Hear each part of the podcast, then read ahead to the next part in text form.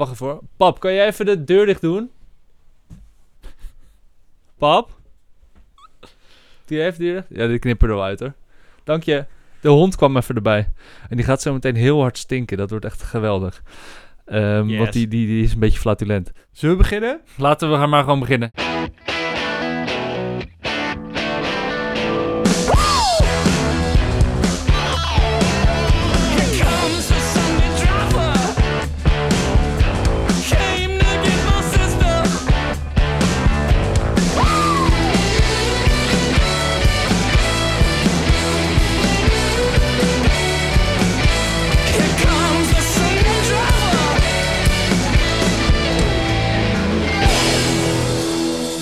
Welkom bij de derde, de derde aflevering van de Zondagsrijders podcast. Mhm. Met Boris en Jeroen. Hallo. Jij bent Jeroen en ik ben Boris. Zeker weten. Waar gaan, we, waar gaan we het over hebben vandaag, Jeroen? Nou ja, vandaag gaan we eh, eindelijk even een grote speler in de autowereld eh, behandelen. Namelijk Audi. Audi. Audi. Jouw lievelingsmerk, toch? Nou, daar, gaan we daar komen we straks wel op terug. Ik, ik, ik, heb, ik heb veel te vertellen over Audi. Ja. Eh, kan ik je vertellen en dat ga ik je ook vertellen. Let's go. Ja. Nou, het, het nieuws dan. Ja, het viel mij wel weer op. Alles was elektrisch. Mhm. Al het nieuws was weer elektrisch. Ja. Ehm, maar ik vond deze wel eigenlijk wel tof. Wat dan? Nou, we hadden het bij Aston Martin vorige week hadden we het er ook over. Hè? Dat eigenlijk de hele Engelse auto-industrie totaal wordt uitgehold door... eh, van binnenuit wordt uitgehold door buitenstaanders. Dus eh, Rolls-Royce is eigenlijk van BMW. Aston Martin is eigenlijk van Mercedes. Zo ook MG, dat is eigenlijk nu van Geely, geloof Ja, ik, toch? klopt. Chinees? Ja, van de Chinezen. Van de Chinezen. En toen zijn ze begonnen met echt hele treurige sedannetjes. Die ze eigenlijk gewoon ook al als Geely maakten, maar dan ge, gerebadged. Die Ja. zagen er gewoon uit als, als de, die Hyundai, die beetje gesmolten Hyundai's uit de jaren negentig. Ja. Zonder enige noemenswaardige karakteristieke vormgegeven eigenschap. Hoewel ik ook niet zou willen zeggen dat die MG's van zo'n goede bouwkwaliteit waren voordat ze Chinees waren. Dus wat dat betreft zal het niet heel veel achteruit zijn gegaan. Nee, maar niet zozeer bouwkwaliteit. Maar MG was wel gewoon een... Nou, nee, dat is ook niet waar. Eh, MG was natuurlijk altijd oude sport... Of gewoon Britse sportauto's. Mhm. Toen zijn ze overgenomen door Rover. En toen waren het een tijdje lang eigenlijk alleen maar ro- sportieve rovers. Mhm. Maar goed, Wat, is, wat is je nieuws? Wat is je nieuws? wat is mijn nieuws? Mijn nieuws is dat die gek Chinezen... die zijn dus nu naar Nederland of naar Europa gekomen met elektrische MG's. En dat Mhm. zijn eigenlijk hele treurige SUV's. Dat ziet er een beetje uit als een mengelmoes tussen alle SUV's uit dat middensegment. Ehm, qua vormgeving. Maar nu gaan ze dus weer sportauto's maken. Dus ze hebben een elektrische MG 2-zit sportauto aangekondigd. Mm. En die ziet er gewoon best wel weer gaaf uit. Het heeft een beetje die Britse styling. Hij heeft ook net als de Mini die Union Jack achterlichten. Nou, dat vind ik sowieso al Mhm. tof. En wat ik leuk vind is dat ze die achterlichten hebben... Ja, dit is even grafisch. Maar als je de Union Jack door midden hakt... Ja. en je doet dan de rechterkant links... en je doet de Mhm. linkerkant rechts... ja. dan zijn het eigenlijk pijlen die zo naar de buitenkant wijzen. Nou, dat is slim bedacht. Nou, mooi. Nou, ik, ik moet wel zeggen, eh, dat heeft Mini dus ook al. Ik bedoel, doe het even, doe even iets nieuws, toch? Die nieuwe Minis, daar zit ik ook altijd naar de Union Jacks eh, te kijken als die Ja, ja, ja, maar ze hebben, het dus om, ze hebben het dus nu omgedraaid, zodat het nu pijlen zijn. Ah, dus dat vond ik, net wel weer, vond ik net wel weer slim. Ja. Ehm, en ik was gewoon heel blij dat MG weer sportauto's gaat maken, want ik, vond het, ik werd er een beetje verdrietig van dat zo'n mooi merk nu eh, Mhm. elektrische SUV's maakte. Dus ik dacht, Ik Ja. was gewoon blij verrast om te zien dat ze weer een sportauto gingen maken, dat had ik echt niet verwacht. En je was gewoon, en je was, en je was gewoon blij dat, ze, dat er weer een roadstertje op de weg komt. Want dat is, dat is toch wel een beetje een van jouw lievelingsmodelletjes, toch? Ik hou wel van roadsters, ja. Dat, dat, Ja. ja. Ik ben serieus, ik, ik heb echt zitten kijken naar een MG TF ook.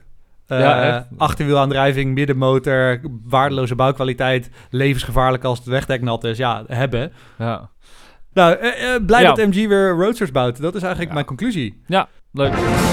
Tesla en Toyota gaan met elkaar in zee en gaan die lang verwachte compacte SUV bouwen. En ik ben eigenlijk heel benieuwd hoe dat eruit gaat zien. Dus eh, een soort eh, mini Cybertruck of zo wordt het. Geen idee.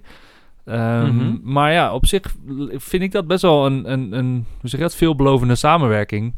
Zeg maar de elektrokennis van Tesla met de bouwkwaliteit van Toyota. Dat is wel een, eh, win-win eh, situatie volgens mij. Heeft Toyota al iets heel elektrisch? Nou ik weet niet. Niet dat ik weet, toch? Ze lopen niet echt heel erg voorop in die, in die hele ontwikkeling. Nou ja, de Prius was natuurlijk wel de eerste. Maar volgens mij zijn ze dus best wel aan dat hybride verhaal blijven hangen. Ja. En hebben ze nog geen elektrische.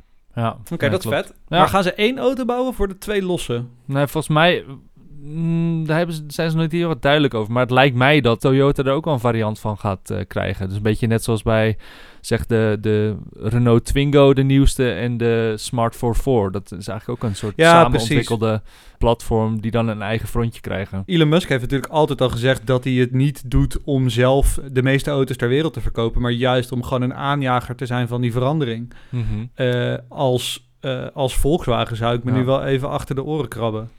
Ja, zeker. Als ik deze samenwerking zou zien. Ja, nou ja, volgens mij is Tesla al, eh, ik weet niet hoe het inmiddels is, eruit ziet met die eh, mega-inflatie van Tesla-aandeel, maar al wel een redelijk hoog gewaardeerd autobedrijf. Zijn ze inmiddels al meer waard Ja. dan Toyota of niet? Dat, ja, dat zou kunnen. Als bedrijf zijn ze misschien wel meer waard. Maar het gaat uiteindelijk gewoon om hoeveel auto's je verkoopt, toch? En om hoeveel bitcoin je hebt. Mm. ja, het gaat er ook wel een beetje eh, aan hoe toekomstbestendig je bent, toch? Hoogmoed komt voor de val. En dat is wel een beetje het probleem, denk ik, met die grote bedrijven als Toyota en, en, ehm, en Volkswagen. Van ja, je kan groot zijn, maar hoe blijf je groot? Dat is toch een beetje de vraag. Ja, aan de andere kant, die gasten hebben natuurlijk zoveel reserves. Weet je, die kunnen, als die op een knopje drukken, ja, het bleek wel dat het, dat die... De verwachting was dat als Volkswagen op een gegeven moment zou besluiten, wij gaan nu elektrische auto's maken, dat ze in no time Tesla voorbij zouden gaan in Mhm. kwaliteit en hoe, hoe hard die dingen kunnen en hoe ver en weet ik veel wat. En je merkt gewoon nu dat dat niet het geval is. Nee. Dat Tesla die voorsprong gewoon keihard aan het behouden is. Ik weet niet of je deze had gezien. Nee? Volkswagen. Ze hadden een bericht de wereld ingeslingerd met daarbij de eh, opmerking: het is echt geen 1 april grap. Eh, namelijk dat zij in Amerika eh, hun elektrische auto's niet gingen verkopen als Volkswagen, maar als Ja. Volkswagen. ja, flikker op. Dat is gewoon 1 april. Nou, wat het dus was, is, uiteindelijk zijn ze dus teruggekrabbeld van nee, het was geen 1 april grap, het was een marketing stunt. Ja, dat is een 1 april grap. Eh, Ja, kut hè? Ja. Ik was echt kwaad. Heb jij het echt geloofd?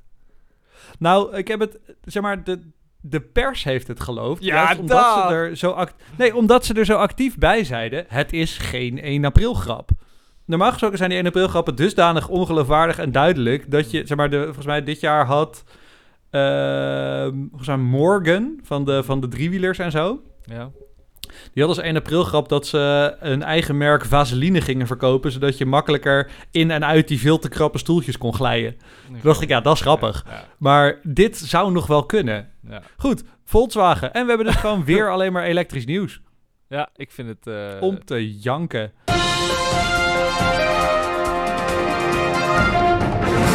Nou, dan de main event, eh, Jeroen. Yeah, boy. Audi. Ja. Eigenlijk is het bij mij Ja. allemaal begonnen toen ik een beetje zelf begon te kunnen na te denken. Ehm, toen was altijd, zei ik ook tegen iedereen, mijn lievelingsauto een Audi TT. Die is ongeveer in 1999 volgens mij uitgekomen. En dat, dat was altijd echt mijn lievelingsauto. Weet je, wist ik veel dat het eigenlijk gewoon een verkapte eh, Volkswagen Beetle was.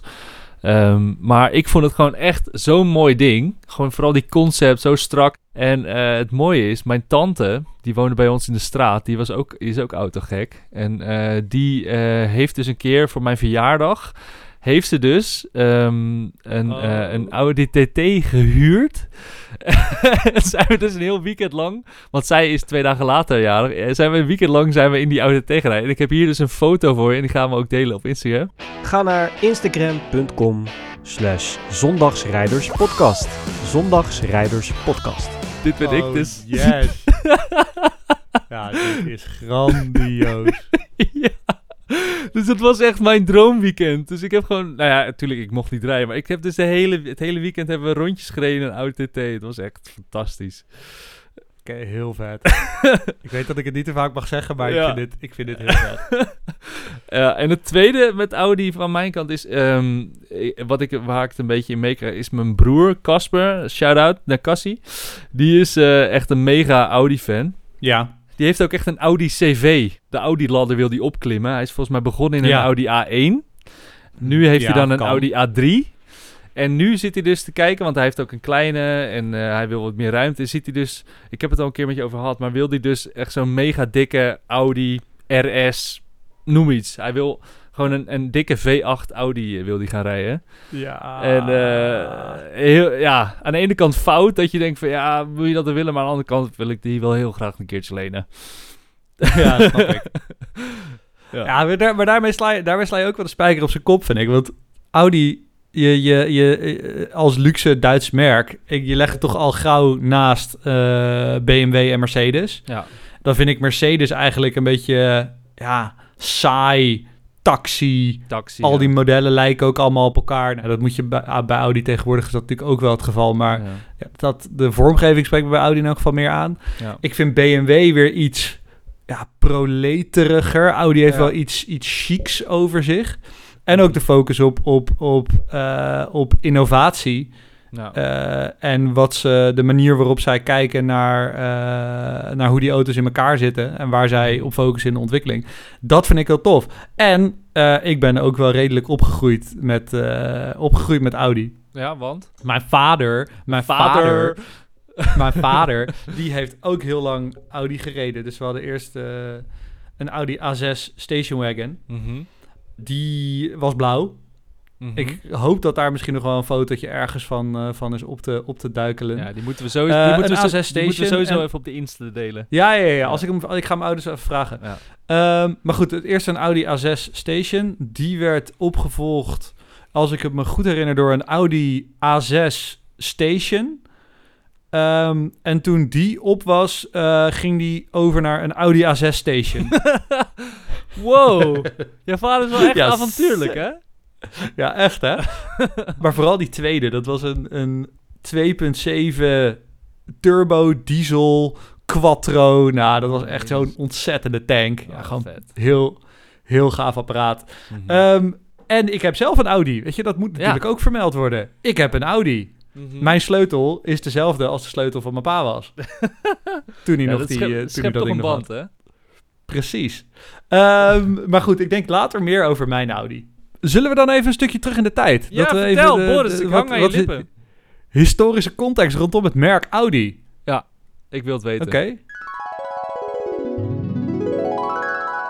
Audi, het oudste merk dat we tot nu toe eh, behandeld hebben. Hmm. De oorsprong van het merk ligt in 1899, toen het is opgestart door meneer...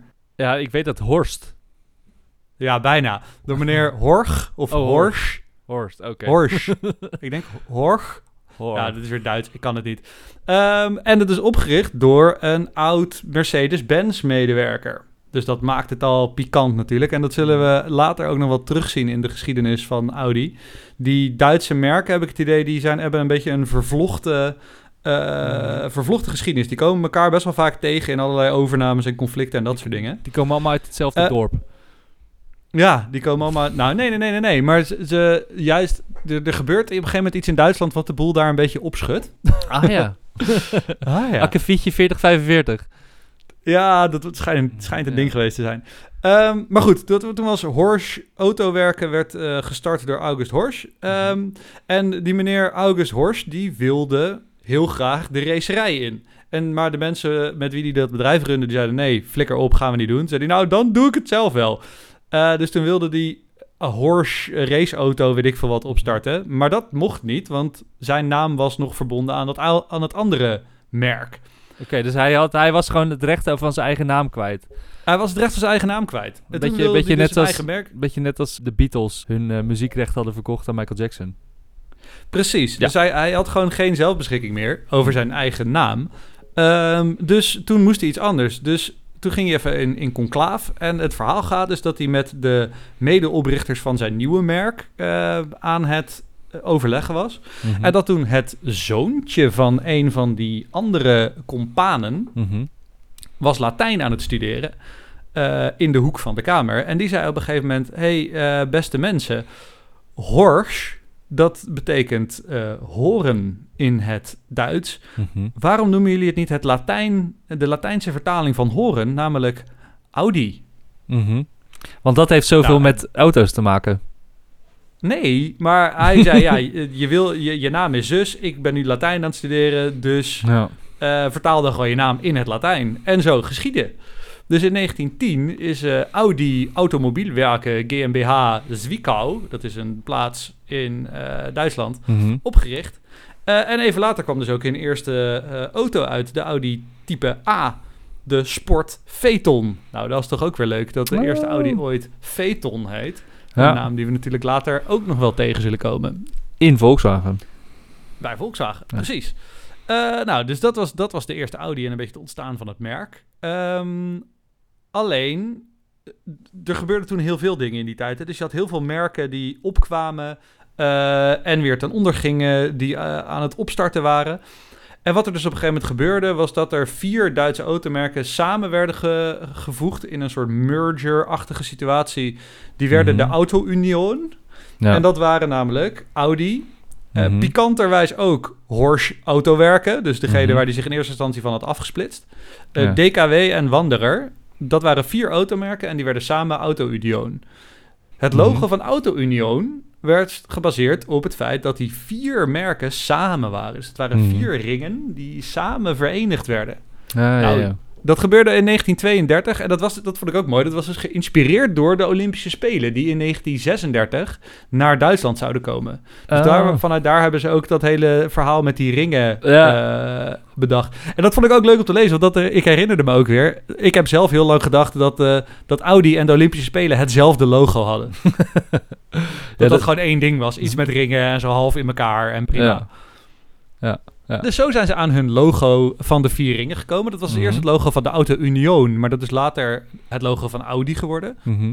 Ehm, toen, nou, bla bla. Oh ja, de eh, oorlog. Wat denk jij, eh, Jeroen? Doe eens een gok. Waren ze goed of fout in de oorlog? Ik denk dat ze in het verzet hebben gezeten. Nee, ze hebben niet in het verzet gezeten. Nou ja, wat ze wel goed hebben gedaan is zichzelf helemaal aan puin laten bombarderen. Oké. Eh, ja, er was echt weinig Toch, van toch, over. toch wel En- nobel. Toch wel nobel. en daarna werden ze ook nog soort van onteigend. Dus Hmm. Zwickau ligt in eh, Oost-Duitsland. Ja, Saxen, volgens mij. Ja. Ehm, dus toen werden ze ook nog soort van onteigend door de Russen. En dat werd allemaal genationaliseerd in Oost-Duitsland toen die republiek daar begon. Mhm.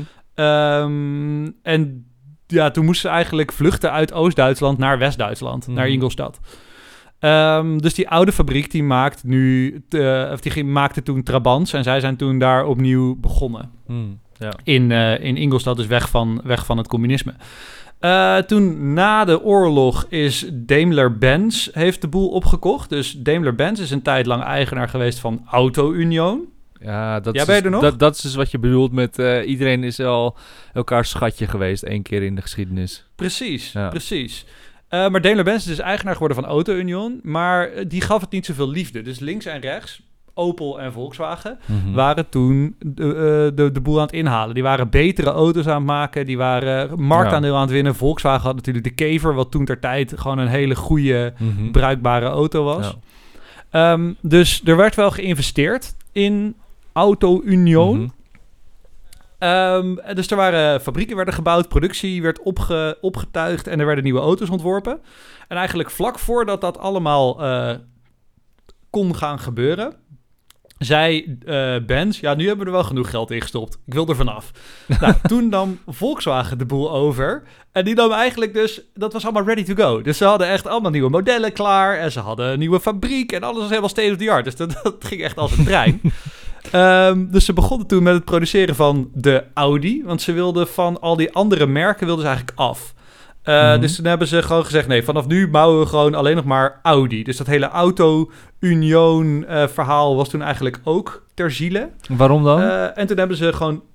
Nou, de, de, D- die andere, dat Horsch en DKW en Wanderer had gewoon een slechtere naam. Ah. En Audi had eigenlijk al tw- 20 jaar niks meer gedaan. Ja. Dus rondom de hele oorlog was Audi eigenlijk gewoon uh, in, in hibernate. Dus toen dachten ze, nou weet je wat, dat is lekker fris. Dan noemen we het een Audi en dan uh, had ze het idee. Dus ze hadden het eerst als het, het model heet ook alleen maar de Audi. Oké, ja.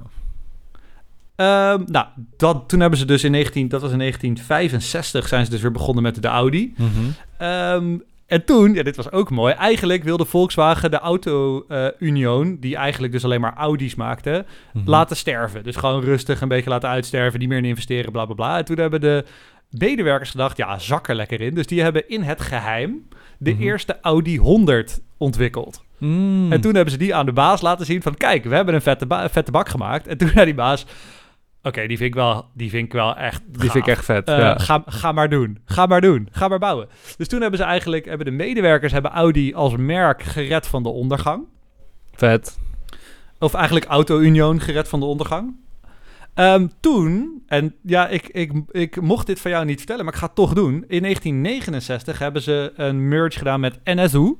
Ja. En dat was een hele vooruitstrevende autobouwer. Die hebben namelijk, dat- die maakten eigenlijk eerst alleen maar motorfietsen. eh, en die zijn toen met hun innovativiteit in de automarkt gestapt. En die hebben toen een van de eerste auto's met een wankelmotor gemaakt. Met heel erg veel focus op lage luchtweerstand. Met nieuwe Boris, veiligheidssnufjes le- erin. leg even heel in, in twee zinnen uit wat is een wankelmotor voor de niet- Dat- niet-kenners. Nee, dat ga ik. Nee, het is gewoon een ander type motor. Dat boeit helemaal niemand iets.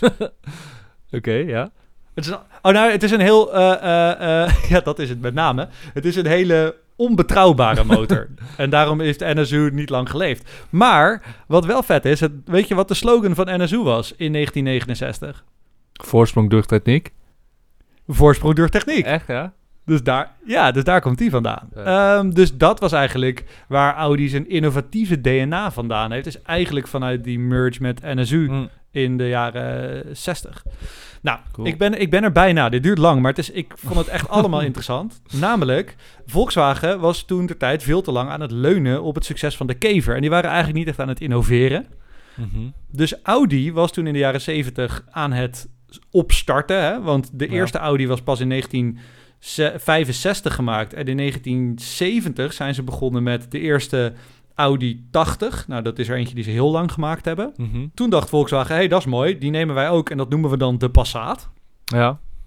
En ze hadden de Audi 50. En Ja. daarvan dacht Volkswagen, hé, hey, dat is mooi. Die noemen we de Polo. Ja, ja, ja, ja. ik dus Audi gezien. heeft eigenlijk met hun modellen... hebben zij Volkswagen gered van de ondergang. Namelijk Hm. te lang voorbouwen op het succes van de de kever. Kever. Ja, vet. En de Audi 50 is eigenlijk een van de eerste hatchbacks ooit. Hmm. Ja, ik heb hem nu Ehm, voor me. Echt een mooi ding ook. Echt een heel, echt Echt een mooi- heel mooi, mooi ding. Het is... Ja. ja. ja, het is, en die heeft eigenlijk de basis gevormd voor de latere Golf. Ja. Eh, wat later de, de redding van, van Volkswagen is Maar dat- wist ik dus van de meest helemaal verkochte auto's aller tijden. Ik wist dus helemaal niet dat de Polo ook er überhaupt voor de Golf was. Dus de Audi 50 was er voor de Polo. En de Polo heeft toen... De Polo was er voor de Polo Golf. was er voor de Golf. Dat wist ik helemaal niet. Maar eigenlijk, als je nu naar die eerste Audi 50 kijkt, dan zie je ook al eh, een beetje die vormgeving. ja, hè? Met dat, met dat steile, steile achterkantje, Ja. dat kontje inderdaad. Ja, ja vet hoor. Nou, dat, dat wist ik dus helemaal Nee. niet. Maar dus dat, ik, ik wist helemaal niet dat die invloed van Audi zo groot was. Maar eigenlijk heeft Audi dus Volkswagen gered. Hm. En dan nog een laatste dingetje wat ik wil vertellen. Eh, qua innovaties kennen we Audi natuurlijk van Audi Quattro. Vierwielaandrijving. Dus ik heb Ja. even uitgezocht waar dat nou precies vandaan kwam. Nou, dat was ook wel een mooi verhaal. Eh, met ook mooie, eh, mooie hoofdrolspelers. Namelijk Jörg Bensinger. Nou, die kent niemand, maar dat is oké. Ja. Die, heeft, eh, die dacht, hey, wat zie ik hier? Ik zie een, een soort Volkswagen off-road legervoertuig. Mhm. En bij hem ging er toen een lampje branden van... joh, wat nou als wij hier een personenauto van bouwen? Dat moet toch kunnen? Dat moet Mhm. toch, de, en die moet dan toch beter zijn dan wat we nu hebben. Eh, en toen is hij samen met Roland Gumpert... Van, van, de, van, van de naamgever van Dumpert? Nee, van Gumpert, van de Gumpert Apollo. Ja, geen idee wat dat is. Is dat een auto? Jij kent de Gumpert Apollo niet? het klinkt als een auto, als een, als een, als een, eh, als een, een niche-auto, of niet? Ja, dat is Ja. precies zo'n merk dat we niet gaan behandelen. Ja. Eh, die vent heeft later heeft hij een hele lelijke supersportwagen gemaakt... die eh, uit elkaar viel als je er naar keek. Maar wel heel hard ging. Oh, even trouwens, Nou goed, even dus tussendoor. Eh, mijn hond is inmiddels gaan schijten. Dus het ruikt hier nu naar roteieren. Dat is super. Dus ga schijten, dan moet, Ja. moet, moet hij dat niet buiten doen. Gaan ruften bedoel ik. Ah, Oké, dat is prima. Ehm, maar goed, die twee gasten waar ik gebleven was, die zijn toen aan toestemming gaan vragen aan de toenmalige hoofd R&D bij Volkswagen. Dat was Ferdinand Piech. Mhm. Mhm. of Familie. ze dat mochten gaan doen. Ja, Nee, gewoon de Ferdinand Piech. ja. Die later de baas van Volkswagen is Ja. geworden. Mhm. ja, ja, ja. Ehm, of, ze, of ze dat ding mochten gaan bouwen. En bij hem ging toen meteen de radertje stellen van... nou ja, daar hebben we waarschijnlijk geen hol aan. Maar eh, die zag meteen de mogelijkheden voor de rally voor zich. En toen zijn ze eh, eigenlijk tegelijkertijd de rally mensen gaan bewerken van... hé hey jongens, zullen we eens een keer gewoon dat verbod op vierwielaandrijving afschaffen? ja. Dat, dat moet toch gewoon lachen zijn? Ja, en iedereen ja. zo, nou ja, goed. Hè, kan toch geen kwaad. Eh, wie gaat dat dan doen? Er zijn helemaal geen vierwielaandrijving personenauto's, dus prima. Dus toen op een gegeven moment in 1980 was het... Ja, goed, schaffen we het wel af. Nou, in 1980 was de Audi Quattro klaar.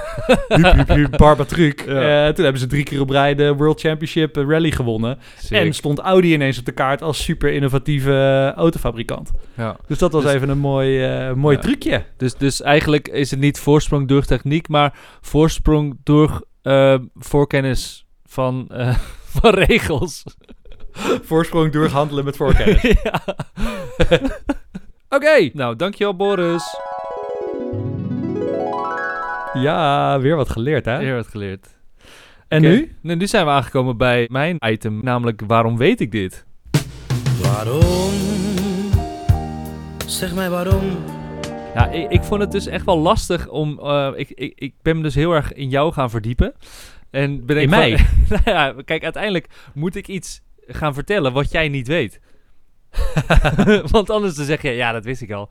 Dus daar, daar komt hij. want een, een van die weetjes, eh, die, die heb je namelijk al genoemd. Namelijk dat dus de Audi 50 gewoon een grondlegger is van de Volkswagen Polo. Nou, daar, die, is Ja. dan al, die is dan al kwijt. Maar wist jij Sorry. bijvoorbeeld dat de Audi 80 en de Audi 100 en ook de Audi 90... dat die ehm, ver- eigenlijk gewoon vernoemd zijn naar het aantal paardenkrachten wat ze hebben? Ja, dat weet ik. Oh, dat wist je! Ja, Kut. ik heb, het, ik heb het hier in een aantekening staan. Ik heb het Oh. niet verteld. Oké, ja.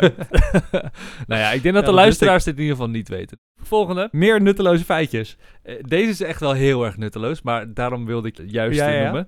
Ehm, Audi heeft toch eh, nou, tegenwoordig de type namen A1, A2, A3. Ik moet dan altijd denken aan ons snelwegennet. Je hebt namelijk ook de, de snelweg A1, Ja. A2. eh. Maar je hebt dus niet de A3. Wist je dat? Je, er bestaat geen A, A3. Heb je dat wel eens gerealiseerd? Nee, nog nooit gerealiseerd. Nee, de A3 bestaat dus niet. Je hebt gewoon A1, A2, A4, A5 hè? en door. De A3 is namelijk nooit gebouwd. Dat was namelijk de snelweg die gepland was tussen Amsterdam en Rotterdam. En die zou door het Groene Hart gaan lopen. Maar gewoon eigenlijk door verkeerde planning. Eerst was het de, de, de, de, de crisis van de jaren 20, 30. Toen was het natuurlijk eh, de Tweede Wereldoorlog. En toen was het eh, natuurbescherming. Eh, wilden ze niet dat er door het Groene Hart, door Bodegraven Gouda naar Rotterdam een snelweg aangelegd zou worden. Dus het plan was er al vanaf 1920, geloof ik. Maar is gewoon nooit doorgezet. Het was een. dit, vond ik, dit vond ik een heel mooi weetje. Ja? Ah, vet. Ja. ja, ja. De- en, Nice. en totaal ook niks met Audi te maken. Hier heb Ehm, je ook echt wat aan in je dagelijks leven. ja, deze ga, moet je doorvertellen. Sowieso doorvertellen aan één iemand. Ehm, dan de. Audi TT. Ehm, Ja. Weet jij waar, waarom die Audi TT heet? Er was volgens mij, nou tenminste dat viel mij op, er was een eerder model, volgens mij van DKW of zo, die heette Ja. ook TT. Maar ik Ja. weet niet of het daardoor is. nou, er was dus de NSU. Dat was dat, Ah, weet je, dat, NSU. dat, de NSU was dat, eh, nou, dat vooruit, uit- vooruitstrevende eigenlijk motormerk wat in de auto's was gegaan. Ja, Die hebben het weer vernoemd. Er was een NSU, hm, volgens mij 1100 TT. En Ja. die hebben het vernoemd naar de TT van de, eh, de motorrace op Isle of Man. De Isle of Man TT Oh. is namelijk de originele TT. En TT staat voor Tourist Trophy. Aha. Je hebt nu natuurlijk ook de TT van Assen en de TT van blablabla. Ja. Maar de originele TT is de Tourist Trophy op Isle of Man. Dat was namelijk zo. In die tijd, dat was, ehm, even kijken, een beetje jaren 10 ongeveer. Van ne- 1910, 19 zoiets. ehm, Ja. Waren er eigenlijk nog helemaal geen circuits. eh, op de Nee, wereld. En dat mocht ook niet. Bijvoorbeeld in Engeland ook niet. Maar Isle of Man was een er waren soort geen van... auto's. Amper. Nee, toch? klopt. Nee, dat was allemaal nog in de, in de kinderschoenen. En Isle of Man, dat was een beetje een soort vrijstaatje. Die had heel veel soevereiniteit. Die mocht allemaal zelf bepalen. En de gouverneur van Isle of Man, die dacht, eh, die was naar Frankrijk geweest. Die had daar een race gezien. dacht, dat wil ik ook. Dus die wilde op zijn eiland een statenrace gaan organiseren. en die dacht van, ja, hoe kan ik, hoe kan ik de lokale politici eh, overtuigen dat dit een goed idee is? Nou, toen dacht hij, ik maak er een tourist trophy van. Met andere woorden, het trekt toeristen aan. Ja, kom maar hier. Kom maar racen. Ja, een toeristen, toeristentrekpleister. En eh, dat is ge- gelukt. Dat is dus de originele TT. Vet. Ja, Hey, eh, thanks, thanks Thanks. Jeroen voor je, voor je, voor je Ja. zinloze feitjes. Love graag it. gedaan. Waarom? Zeg mij waarom? Ehm, ja, dan moeten we nu even in sneltreinvaart door het hele programma heen. Want we hebben natuurlijk al best wel wat Audi's besproken. Ehm, maar er zijn er ook nog zeker een aantal nog niet aan bod gekomen. Ja. Ehm, wat vind jij een vette Audi die we nog niet hebben besproken? Nou, ik vind eigenlijk de Audi RS6 Avant wel echt een mega dikke Audi. Eh, ik weet nog, een, een, ehm, de vader van een klasgenoot van mij, die eh, toen ik eh, in Lisse op de middelbare school zat, die, die had dus een, een Audi RS6 Avant. Apt had hij Ja. ook nog. Die had volgens mij iets van vijf, Nee. 580 pk of zo. En die ging, Ja, nee, de normale had al 580 pk. Ja, nou, dat, ik, het was echt te bizar voor woorden. Dat ding ging ook echt van 0 tot 100, volgens mij in 3,9 seconden of zo. Ja, tegenwoordig met Tesla-tijden eh, boeit dat niet meer. Maar die, in destijds was dat echt, ja, voor zo'n slagschip als een Audi Insane. RS6 echt, echt te ziek. Dus dat Ja, is echt een symbool geweest voor mij van... Wauw, dat is gewoon echt zo'n ultieme rijdersauto. Je, hebt, je kan gewoon je honden achterin doen en, en ondertussen gewoon in 3,9 seconden van 0 tot 100. Ja, ik, ik, zeg maar, ik heb een, mijn, mijn, mijn vader, die had dus ook een, een Audi A6. Dus ik, voor mij was de RS6. Ze hadden toen, Audi had toen net volgens mij, Volkswagen had toen net Lamborghini overgenomen. Ja. Lamborghini had toen een Gallardo met een V10 erin. Ja. Nou, toen dachten ze bij Volkswagen, weet je wat, hup hup hup Barbatruc, die lepelen we gewoon in zijn geheel in het vooronder van die A6. Ja. Ja, toen had je ineens een station wagon dat je met het hele gezin op wintersport kon, maar wel met 300 km per uur. Ja. Ja, Ja, echt Bizar. gewoon zo'n bizar Echt. apparaat. Ja. heel, heel, heel erg gaaf. En dus, eh, ik ben er ook even in gegaan. Want ik vind snelle station wagons heb ik gewoon best wel een zwak. Gewoon alle vormen van station wagons heb ik een zwak voor. Maar dus ook Mhm. snelle. Ja. Eh, en ze hadden dus de Audi RS2. Dat was een beetje hun eerste snelle Ja. station wagon. En dat was eigenlijk gewoon een hele saaie station wagon. En die Ja. hebben ze toen door Porsche onder handen laten nemen. En da- dat vond Mhm. ik dus zo bizar. Eh, die, dat ding, die Audi RS2 is volgens mij ergens uit de jaren 80 of zo. Maar die zat dus sneller op de 50. Dus 0 tot 50 deed die sneller dan een McLaren F1. En dat kwam door die vierwielaandrijving of zo? Vierwielaandrijving en Porsche, Porsche tweaks. Ja, Zeg maar, dat ding deed 0 tot 100. Die RS2 0 tot 100 in 4,8 seconden in de jaren 80. Wow. Dat is Ja. bizar. Dat is echt bizar. Goed, snelle station wagons. Nou, wat vind jij dan eh, nog meer vette auto's? Trouwens? Ja, Jeroen, je weet wat er gaat komen. Audi. je weet wat er Ah. gaat komen. Oké, gaan we, gaan we, gaan we. Oh. Ja, ik, ga het, ik ga het heel kort houden. Oké. Eh, nee, niet. ik hou van auto's. Nee, kijk, ik hou van auto's die zijn ontworpen vanuit een bepaalde discipline. Dus je hebt de, eh, bijvoorbeeld de Deux Chevaux. Daar moesten een man, een vrouw, twee kinderen, een, een paar kippen en een mand met eieren over een Frans landweggetje naar de markt rijden. Dat waren de ontwerpuitdagingen voor die auto. Ja. Ja. Dat, dat soort auto's vind ik grandioos. Bij een Mini, Mhm. de buitenmaten lagen vast. En hoe je het verder oploste, los je het op. Dat moest een auto worden. Mhm. Eh, nou, zo ook de Audi A2. Het was natuurlijk een ontzettende flop, commercieel gezien. Mhm. Ehm, en je kan over de vormgeving zeggen wat je wil, maar mooi is hij niet. Nee. Ehm, maar hij is wel ontworpen vanuit een heel strak regime. Namelijk, er moesten vier man comfortabel op één tank benzine, eh, of diesel, maar op één tank, van Stuttgart naar Milaan. Dat, wa- dat moest. En dat was in die tijd echt ongehoord. Ja, je kan natuurlijk een hele grote tank maken, maar het moest wel ook nog een normale, normaal formaat tank zijn. Ja.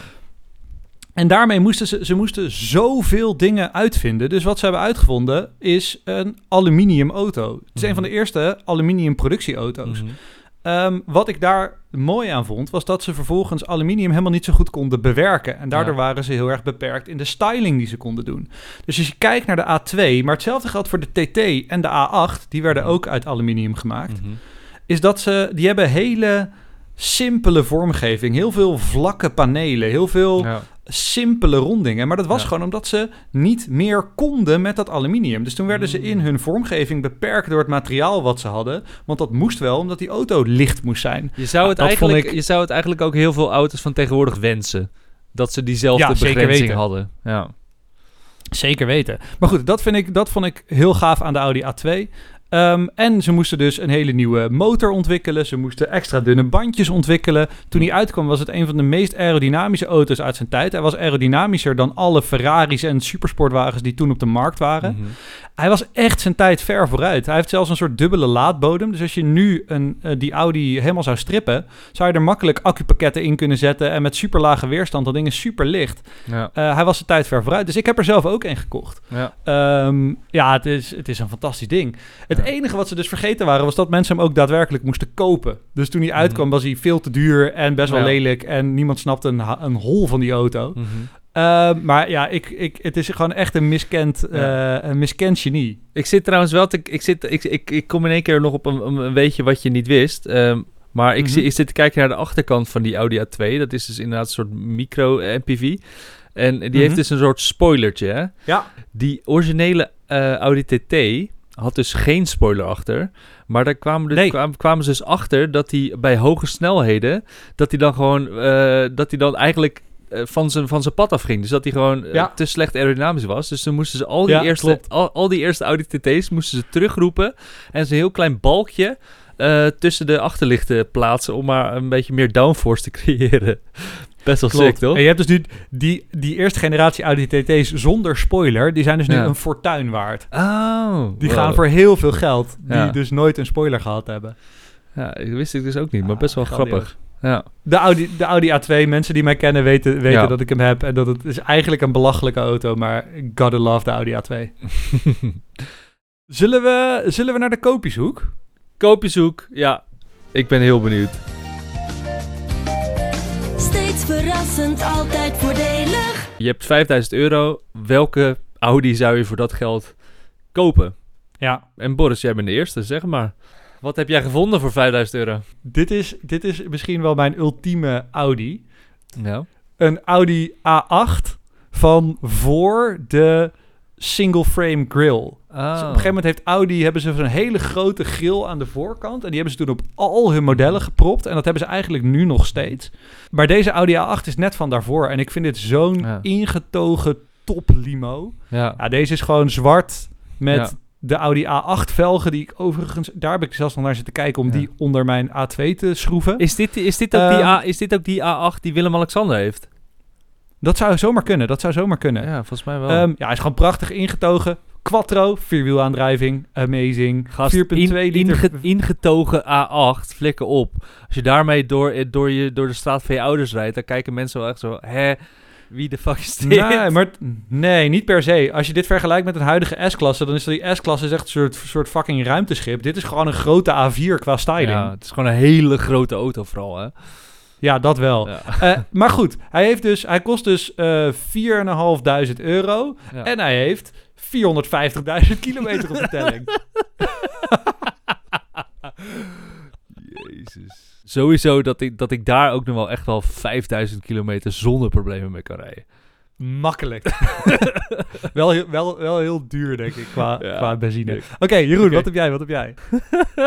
dat is dus een Audi, een Audi A6 Allroad met een 2.7 vier- eh, 2.7 V6 eh, motor. En het, dat is dus een Audi A6 eh, Avant met zo'n ja, gewoon 4x4, hoog op zijn poten, dikke spatschermen. Gewoon echt zo'n ding waar, je- waar je mee gewoon door de modder wil scheuren.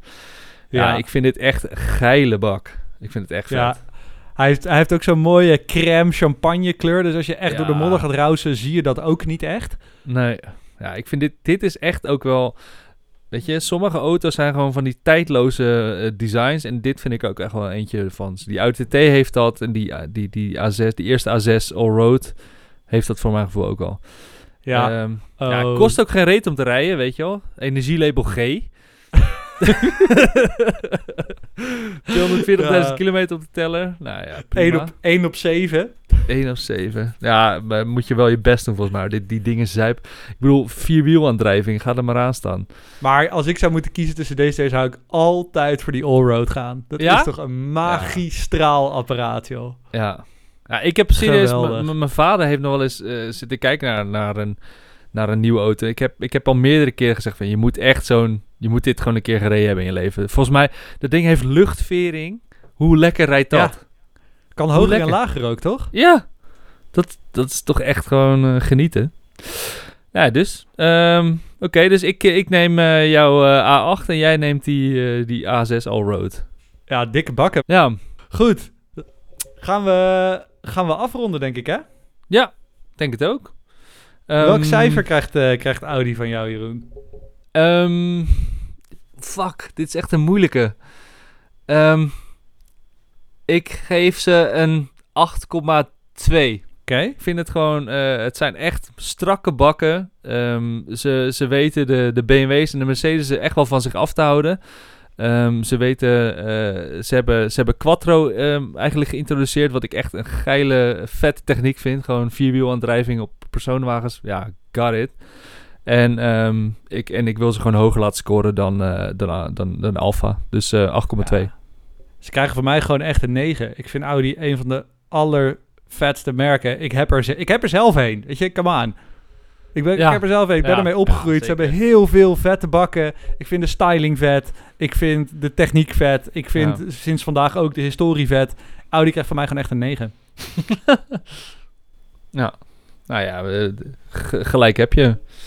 Ik, Alright. ik vind het gewoon jammer dat we hier niet meer over gaan praten. De aankomende Nee, maar, podcast. maar we, we- misschien met nieuwtjes of zo, hè. Dat we het daarna weer, eh, weer een beetje er, erin kunnen fietsen. Ja. We hebben het namelijk nog helemaal niet gehad over die elektrische Nee, auto's. fuck e-tron. Boeien, maakt me niet Die uit. e-trons en weet ik het wat. Ja. Nee, nee, gaan we het niet over hebben. Oké, oké, oké, oké. Is goed. Helemaal goed. Wat ik trouwens Ja. nog wel gedaan heb, ik heb nog even mijn automonteur gebeld om te kijken wat die te zeggen heeft over Audi.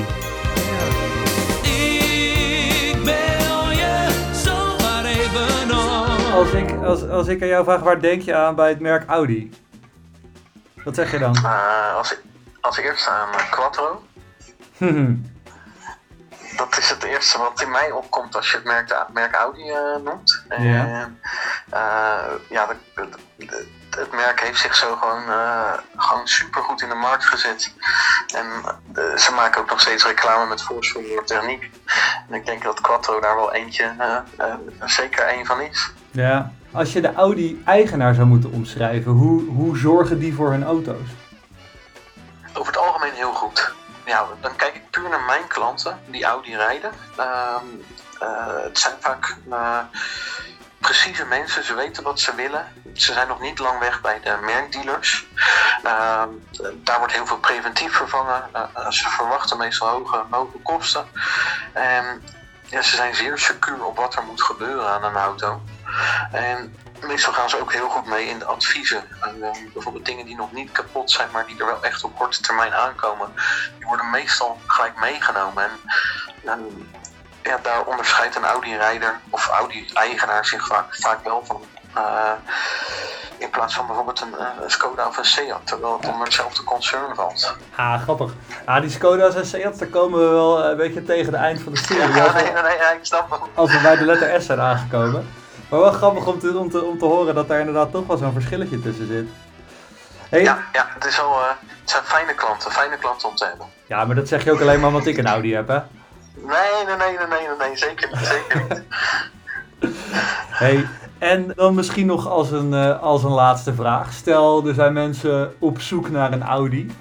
Eh, zijn er dan modellen waarvan jij denkt, nou, die moet je gewoon echt niet hebben? Ehm, ja, er zijn. Ja, er, er wordt tegenwoordig ook heel veel geïmporteerd uit Duitsland. eh, door zowel particulieren als door, eh, eh, door bedrijven. Ook heel veel ex- ex-schade Audi's. Die, die bijvoorbeeld in Duitsland echt een, een flinke schade hebben gehad. En die, die goedkoop zijn opgelapt en die dan naar Nederland komen. En dat zijn dan vooral de, vaak, ja, de leuke modellen. eh, de sportieve uitvoeringen. Eh, bijvoorbeeld de S-lines of eh, nou, de, de S- S-versies zelf. En ja, het, het is niet eh, één, één specifieke soort die, die niet gekocht moet worden bijvoorbeeld. Dat wil ik er niet mee zeggen, maar ja, er zitten gewoon foute modellen tussen. Ja. En hoe, hoe, hoe filter je die eruit? Ja, lastig. Alleen door, eh, door eh, eh, voordat een klant of een, voordat iemand tot een koop overgaat, om hem eerst heel grondig na te kijken. Of dat nou hier in Nederland is of al in Duitsland. Ja. Ehm, sowieso is dat een goed advies. Altijd checken voordat je hem koopt. Ja. Jij weet ook, ik heb op mijn Audi ook een aankoopkeuring laten doen. En een half jaar later zat het Ja. motorblok ineens los. Ja, ja, ja, ja ik weet het. Dus Ja, altijd... het geeft nooit volledige garantie. Het, is, Precies. Het, het blijft een momentopname, maar het is sowieso eh, voor, die, voor, die, voor die paar tientjes eh, ja, is het zeer verstandig om te doen.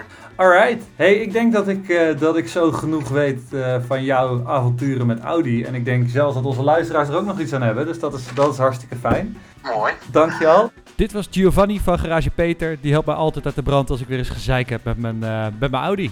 Dus daarmee, eh, daarmee willen we graag deze, deze uitzending afsluiten. Wat we nog even wilden zeggen natuurlijk. eh, een aantal dingen. Ten eerste, als jij de plaatjes bij de praatjes wil, volg ons op Instagram. Dat kan op zondagsrijderspodcast.